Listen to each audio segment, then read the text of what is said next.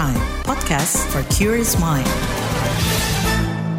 Halo saudara, senang sekali kami bisa menyapa Anda kembali melalui program KBR Sore edisi Senin 14 Agustus 2023. Saya Aika kembali menemani Anda selama kurang lebih 30 menit ke depan.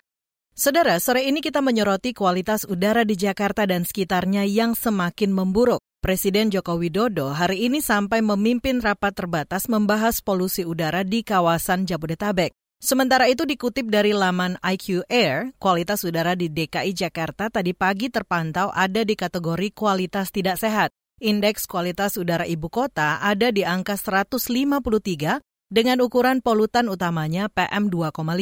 Konsentrasi polutan ini hampir 12 kali lebih besar dari nilai panduan kualitas udara tahunan yang ditetapkan Organisasi Kesehatan Dunia WHO. Lantas, langkah mendesak apa saja yang harus segera dilaksanakan pemerintah guna mengurangi polusi udara di Jabodetabek? Bagaimana pula dengan penanganan di sektor transportasi dan otomotif yang sering dituding ikut menyumbang polusi udara? Selengkapnya kita bahas di KBR sore.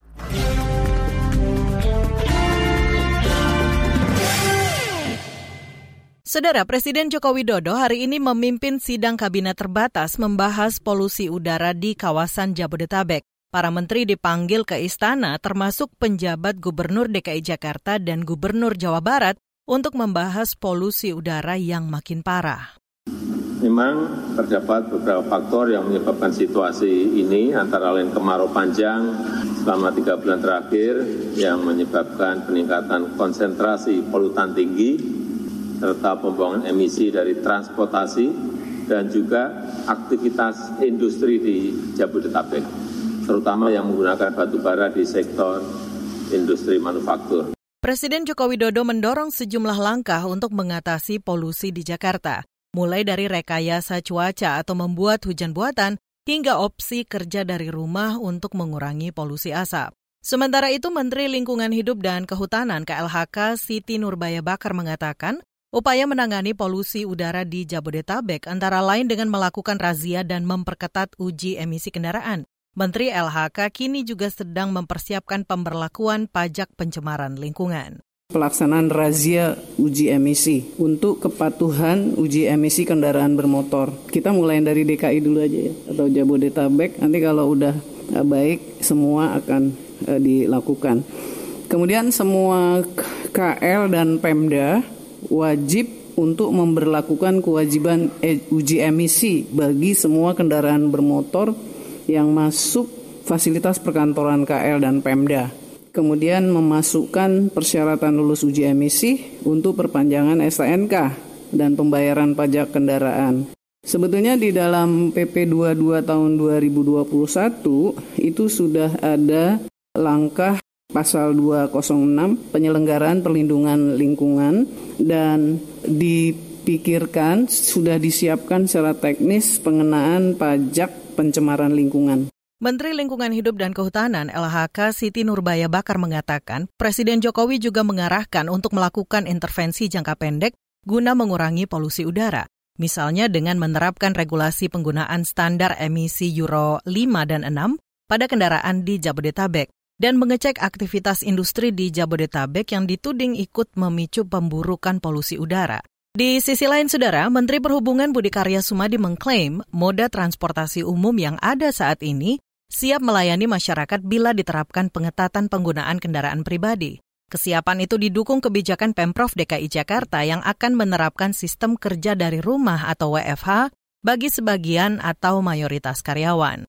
Baik melakukan from home yang sudah jalan dan juga membedakan waktu kerja itu bagus sekali.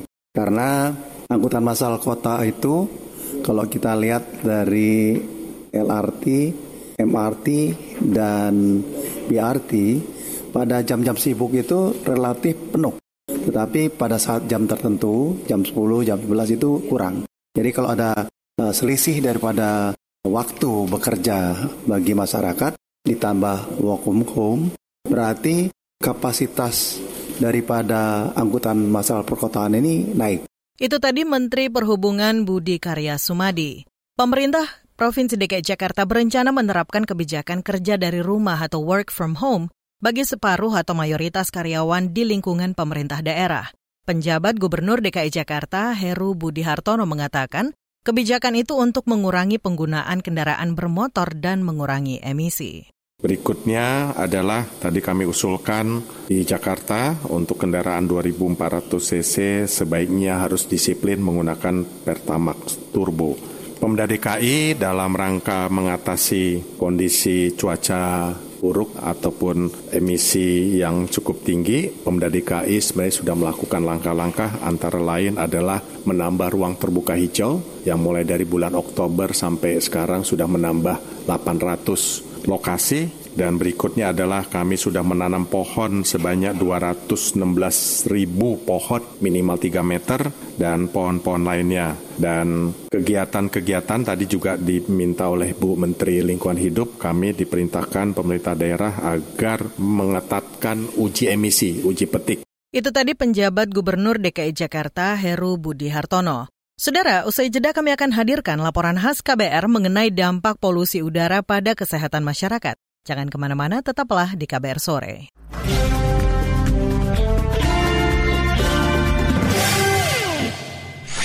Commercial break. Commercial break. Anda sedang mendengarkan program Saga Produksi KBR. Dia mau nyium saya juga, apa? Kita harus ramai-ramai-ramai-ramai semua pakai kain. Sekolah lansia merupakan upaya untuk memperpanjang usia sehat. Kisah-kisahnya menarik kan? Dengarkan kisah-kisah selengkapnya hanya di Saga. Cerita tentang nama, peristiwa, dan fakta. Selain kisah-kisah inspiratif, Saga juga menghadirkan liputan mendalam yang dikemas menarik dengan kualitas jurnalistik terbaik. Dengarkan Saga hanya di kbrprime.id. KBR Prime, podcast for curious mind. You're listening to KBR Prime, podcast for curious mind. Enjoy!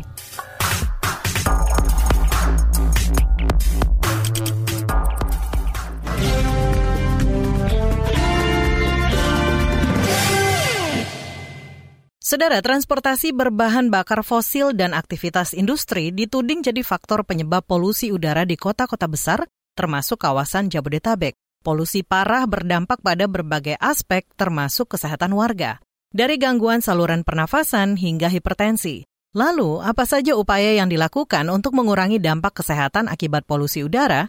Simak laporan khas KBR disusun Astri Yonasari. Angka harapan hidup masyarakat Indonesia rata-rata berkurang dua setengah tahun karena polusi udara. Kondisi tersebut bisa berkurang hingga enam tahun untuk wilayah kota-kota besar. Data ini disampaikan Perhimpunan Dokter Paru Indonesia PDPI dalam diskusi publik mengenai hak rakyat atas udara bersih dan sehat pada Pekan Raya Lingkungan Hidup Juni tahun lalu. Dokter spesialis paru Nur Yunita mengatakan, polusi udara juga mengakibatkan kualitas hidup buruk untuk masyarakat. Sebab kualitas hidup seseorang banyak dipengaruhi oleh kondisi kesehatan, dan kondisi kesehatan ada yang dipengaruhi oleh polusi udara. Bahwa akibat adanya polusi udara, angka harapan hidup rakyat Indonesia itu berkurang secara rata-rata dua setengah tahun. Itu untuk umum, ya. Tetapi khusus yang daerah-daerah seperti Jakarta, Bandung, Depok, yang angka polusinya itu sangat tinggi, angka harapan hidupnya itu berkurang 5 sampai 6 tahun. Ya, ini sudah ada basis daripada penelitiannya. Nur Yunita memaparkan saat ini 92 persen penduduk dunia sudah terpapar kualitas udara yang buruk. Tercatat ada 7 juta kematian per tahun yang berhubungan dengan polusi udara. Selain itu, 25 persen penyakit dan kematian akibat kanker paru disumbangkan oleh polusi udara. Ternyata polusi udara ini juga menyebabkan anak-anak yang nggak ada riwayat asmanya menjadi sakit asma. Itu ya, pada usia 5 sampai 18 tahun sebanyak 14 persen. Ya, ketika sejak kecilnya selalu terpapar oleh polusi udara. Melansir National Geographic, dampak polusi udara bagi kesehatan dapat dibagi menjadi dampak jangka pendek dan jangka panjang. Dampak jangka pendek polusi udara adalah iritasi pada hidung, tenggorokan, mata, dan kulit. Polusi udara juga dapat menyebabkan kerusakan syaraf, otak, ginjal, hati, dan organ lain. Beberapa ilmuwan menyebutkan polusi juga bisa menyebabkan cacat lahir. Ketua Bidang Penanggulangan Penyakit Menular Pengurus Besar Ikatan Dokter Indonesia atau PBID, Agus Dwi Susanto mengatakan, jika terpapar polusi udara dalam jangka panjang dan terkena penyakit, maka penyakit itu akan menetap dan tidak bisa hilang. Kalau dampak akut jangka pendek, umumnya biasa kembali normal. Misalnya iritasi, ispa itu biasanya kembali lagi normal bisa. Tetapi kalau efek jangka panjang yang muncul, misalnya terjadinya kanker, terjadinya asma, terjadinya penyakit jantung koroner itu biasanya nggak bisa balik lagi. Udah jadi penyakit, udah menetap. Bahkan kata Agus, polusi udara adalah salah satu faktor risiko penyebab kematian tertinggi di Indonesia. Ia menjelaskan polusi udara menempati posisi kelima setelah hipertensi, diabetes, merokok, dan obesitas. Jadi bukan sesuatu hal yang kita remehkan harusnya. Dan ini hampir kota-kota besar tadi di Indonesia semuanya terjadi polusi. Masuk kategori tidak sehat. Sementara itu, anggota Dewan Pertimbangan ID Zubairi Jurban meminta masyarakat bisa lebih menjaga kondisi kesehatan untuk mengurangi dampak buruk polusi udara. Ia menyebut ada beberapa hal yang bisa dilakukan masyarakat untuk mengurangi paparan polusi udara ada banyak jalan keluar yang saya kira semuanya harus dikerjakan bareng-bareng. Ya kalau keluar rumah pakai masker, kalau bisa tidak keluar rumah. Kalau kita siang hari sebaiknya kita sekitar satu jam ada di ruang yang ber air condition. Kemudian kalau olahraga jangan olahraga terlalu berat dan olahraganya di indoor. Sebelumnya, DKI Jakarta sempat menjadi wilayah dengan kualitas udara terburuk di dunia. Berdasarkan data situs IQR akhir pekan lalu, kualitas udara di ibu kota Indonesia terburuk kedua di dunia, dengan indeks mencapai 170. Merespon kondisi ini, pemerintah Provinsi DKI Jakarta bakal menyusun peraturan gubernur atau pergub tentang strategi pengendalian pencemaran udara di Jakarta. Kadis Lingkungan Hidup DKI Jakarta, Asep Kuswanto. Pemerintah Jakarta, Pemprov DKI dalam hal ini Dinas Lingkungan Hidup juga sudah menyusun berbagai macam regulasi yang sudah ada adalah instruksi Gubernur 66 tentang pengendalian pencemaran udara. Strategi pengendalian lain yaitu penerapan operasi uji emisi. Dalam waktu dekat, kepolisian akan mulai menerapkan operasi patuh jaya, yang di dalamnya juga ada operasi uji emisi. Selain itu, pemerintah setempat juga menerapkan tarif parkir tertinggi di belasan lokasi parkir milik Pemda. Demikian laporan khas KBR, saya Astri Yuwanasari. Saudara Direktorat Jenderal Pengendalian Pencemaran dan Kerusakan Lingkungan PPKL Kementerian Lingkungan Hidup dan Kehutanan menyebut, data tahun lalu menunjukkan ada 24,5 juta kendaraan bermotor yang teregistrasi di DKI Jakarta. Mayoritas atau 78 persennya adalah sepeda motor. Setiap tahunnya rata-rata kendaraan bermotor bertambah 1,2 juta unit, dengan 1 juta unit di antaranya yaitu sepeda motor. Terkait pertumbuhan jumlah kendaraan bermotor ini, bagaimana kalangan industri otomotif mewujudkan komitmennya untuk mengurangi polusi udara? Selengkapnya akan kami hadirkan sesaat lagi, tetaplah di KBR Sore.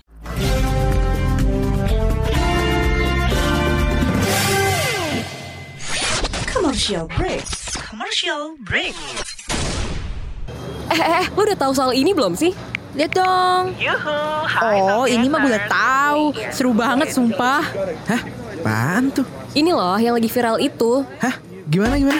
Daripada FOMO, mending lu dengerin deh podcast FOMO Sapiens. Hah? Setiap hari Jumat hanya di kbrprime.id dan platform mendengarkan podcast lainnya. No more fear of missing out tips. KBR Prime, podcast for curious mind. You're listening to KBR Pride, podcast for curious mind. Enjoy!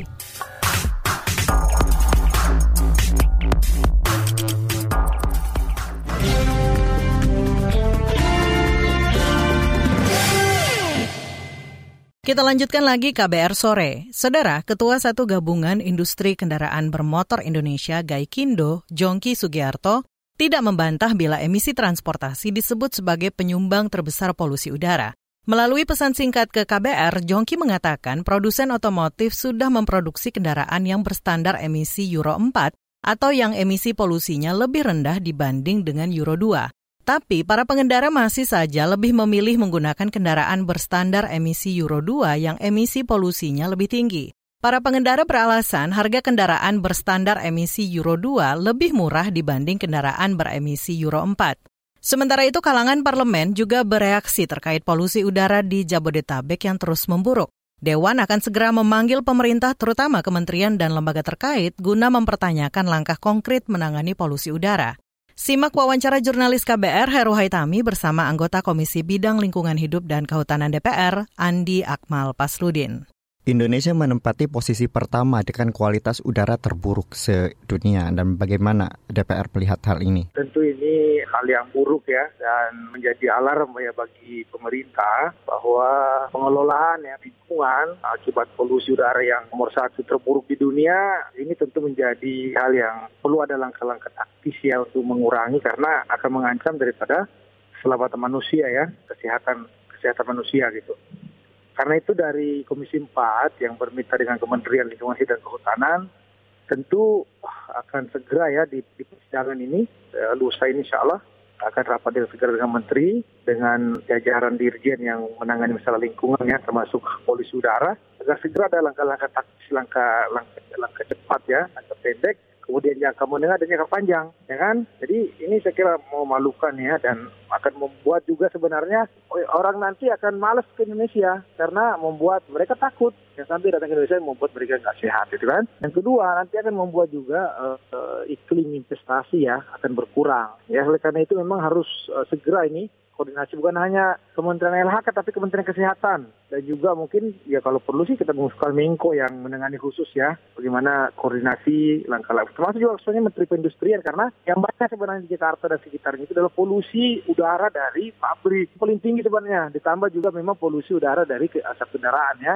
Lantas apa solusi yang bisa disarankan? Paling utama itu adalah bagaimana pabrik-pabrik ini dulu menggunakan bahan bakar yang yang ramah lingkungan, PLTA, PLT pembangkit listrik tenaga batu bara itu yang menggunakan fosil harus segera dikurangi menuju ke penggunaan pembangkit listrik yang lebih ramah lingkungan, misalnya uh, air atau angin maupun yang lainnya gitu ya. Nah yang selanjutnya memang kendaraan, ini kan kendaraan polusi kendaraan cukup besar juga ya. Ini perlu ada langkah-langkah selain yang sekarang ini kan ada untuk kampanye mobil listrik, tapi itu kan elitis ya, tapi belum menyentuh kepada akar masalahnya bagaimana mengurangi masyarakat yang menggunakan kendaraan, ya kan roda 4 maupun roda 2. Saya kira dengan LRT segera ini dioperasikan ya, LRT, MRT itu kan angkutan massal itu, eh, mudah massal itu segera dimaksimalkan sehingga masyarakat bisa mengurangi penggunaan mobil termasuk juga yang ganjil genap itu bisa juga sebenarnya menjadi hal yang untuk mengurangi tadi ya polusi udara. Tapi harus konsisten bukan hanya Jakarta, kalau bisa seluruh daerah di Jawa ya, terutama kota-kota besar kayak Jakarta, Bandung, Bogor, Tangerang, Bekasi, ya kan? Ini harus memperlakukan yang sama, mengurangi kendaraan-kendaraan dan kendaraan tidak laik secara teknis itu segera dipensiunkan. Nah, kendaraan-kendaraan umum itu ya harus segera menggunakan listrik gitu kan, atau listrik atau uh, gas. Nah, ini harus beralih ke sana karena ini bahaya. Jadi harus segera langkah taktisnya itu mungkin segera disampaikan ke publik dan masyarakat menggunakan masker ya, mengurangi aktivitas keluar ya sehingga tidak terpapar dengan polusi yang buruk ini. Bagaimana dengan aturannya? Apakah implementasinya berjalan dengan baik? Sebenarnya aturannya ada, masing-masing moda kayak mobil itu kan ada aturannya berapa tahun ya, harus bisa di apa dikandangkan, itu kan. Terus juga pabrik juga kan ada, kan sudah ada apa namanya kebijakan untuk penggunaan bahan bakar yang ramah lingkungan gitu kan. Ya cuma memang implementasi di lapangan ini harus segera diterapkan. Ya kalau memang kita anggap itu kurang kurang kuat, ya nggak apa-apa kita buat undang-undangnya gitu atau mungkin PP-nya gitu ya, diperkuat uh, pelaksanaannya dan ya harus menjadi komitmen semua pemerintahan dari presiden, menteri gitu ya. Uh, kemudian gubernur, bupati, aparat kita ya harus konsisten nih. Uh, termasuk juga pengawasan terhadap pabrik-pabrik yang polusi udaranya sangat tinggi, ya kan? Ini harus ada segera peralihan nih dari mesin yang boros dan menggunakan BBM yang yang merusak lingkungan menuju ke yang ramah lingkungan itu. Ini memang pemerintah menurut kami kami juga perlu kritisi karena program energi baru terbarukan itu sangat lambat sekali gitu, ya kan? Padahal sudah lama kita uh, mendukung ya dari DPR sendiri, dari anggaran sendiri ada dirjen khusus sendiri di SDM itu kan energi terbarukan. Ini lambat sekali. Padahal sebenarnya kuncinya juga di situ. Nah, jadi harus masalah ini bukan hanya LHK, bukan hanya Komisi 4, tapi lintas, harus lintas komisi. Komisi Perindustrian itu kan komisi ya, PSDE juga harus dan itu saya katakan bahan bakar itu harus uh, semakin ramah lingkungan, listrik ataupun gas gitu loh. Itu tadi perbincangan dengan anggota Komisi Bidang Lingkungan Hidup dan Kehutanan DPR, Andi Akmal Pasludin. Saudara, kalangan aktivis menilai kebijakan pemerintah mengatasi polusi udara masih belum tepat sasaran. Apa alasannya? Kami hadirkan ulasan dari aktivis lingkungan usai jeda berikut. Tetaplah di KBR Sore.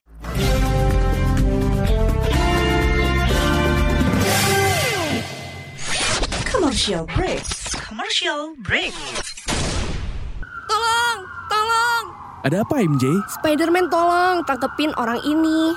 Aku habis kena tipu investasi bodong nih. Sekarang aku bangkrut. Oh alah, pasti belum dengerin uang bicara ya? Uang bicara? Apa itu? Podcast ekonomi dan literasi finansial dari KBR Prime. Narasumbernya kredibel dan topiknya cocok banget buat anak muda kayak kita. Ada juga nih, topik biar nggak ketipu investasi bodong. Uang Bicara, menavigasi kamu supaya tetap cuan dari KBR Prime. You're listening to KBR Prime, podcast for curious mind. Enjoy!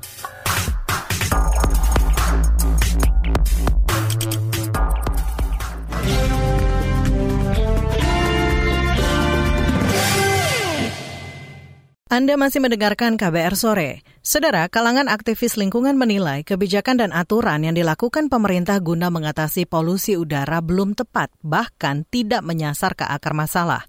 Pemerintah diminta mengevaluasi sistem yang ada dan memperlakukan pembatasan terhadap transportasi, khususnya kendaraan bermotor yang menjadi penyumbang terbesar polusi udara. Berikut kami hadirkan wawancara jurnalis KBR Syafira Aurelia dengan pengkampanye keadilan perkotaan Greenpeace Indonesia, Charlie Albajili. Ini kan belakangan ini ramai ya menjadi sorotan terkait polusi udara yang dinilai buruk dan juga dapat berbahaya bagi kesehatan. Dan kemarin juga KLHK menyebutkan bahwa transportasi juga menjadi salah satu penyumbangnya. Nah ini dari tanggapan kakak seperti apa kak? Yang pertama kita harus paham dulu ya penyebab dari polusi udara ini.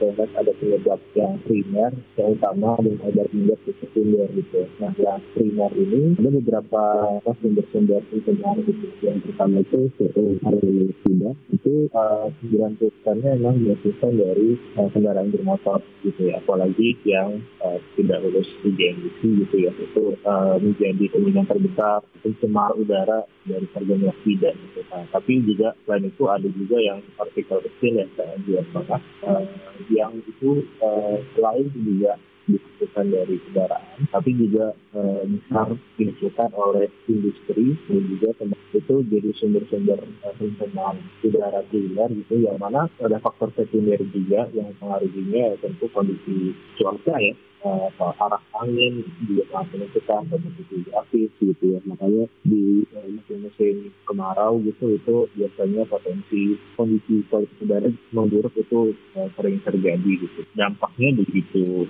uh, dahsyat ya karena menurut data ISPU kualitas udara Jakarta kan ada di level yang berbahaya ya sangat dan buruk kan. Dan kalau kita kaitkan dengan standar WHO itu jauh sekali di bawah standar layak WHO. Lalu kata tadi kakak kan sempat menyinggung terkait dengan transportasi ya salah satu juga dengan kendaraan bermotor. Nah upaya apakah yang tepat untuk mengurangi polusi udara ini akibat dari sektor transportasi? Apakah perlu untuk uh, adanya kenaikan pajak kendaraan, pajak progresif yang dilakukan, parkir dimahalkan atau regulasi jalan ganjil genap atau bagaimana kak? Uh, pertama-tama saya sebenarnya mau coba sedikit kritikal juga ya pada pemerintah ya. Uh, saya pikir beberapa respon pemerintah menghadapi situasi ini uh, tidak uh, menyasar ke sumber permasalahan gitu ya. Misalnya kayak dari Pemprov DKI yang mengajukan solusinya adalah uh, mengganti kendaraan gasnya dengan uh, kendaraan listrik gitu ya. Ya itu di saat di dalam derajat tertentu itu uh, memang bisa jadi salah satunya, cuman bukan hal yang bisa mengatasinya dalam waktu cepat, dalam waktu dekat, dan menyasar ke permasalahannya gitu. Termasuk juga dengan himbauan dari KLHK misalnya untuk masyarakat mengubah gaya hidup. Nah tentunya mengubah gaya hidup uh, yang beralih dari kendaraan yang uh, bersumber dari fosil gitu ya, beremisi besar itu tidak mungkin dilakukan tanpa dukungan dari pemerintah.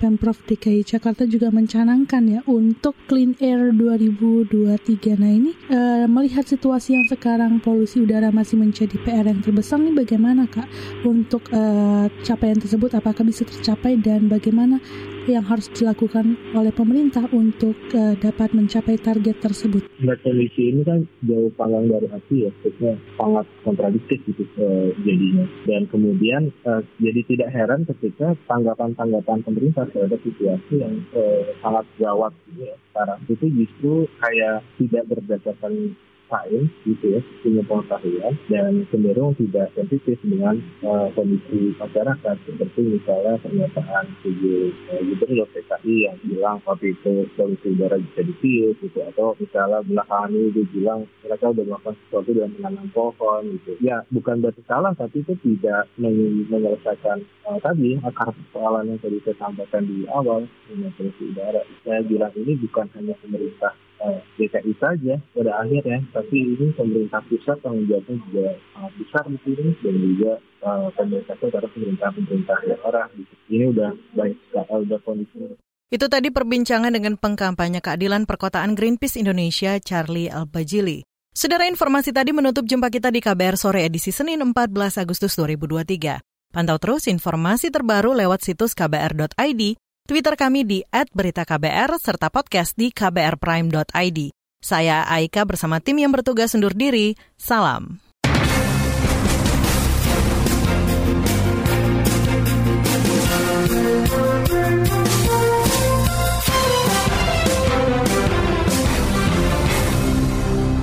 KBR Prime, cara asik mendengar berita. KBR Prime, podcast for curious mind.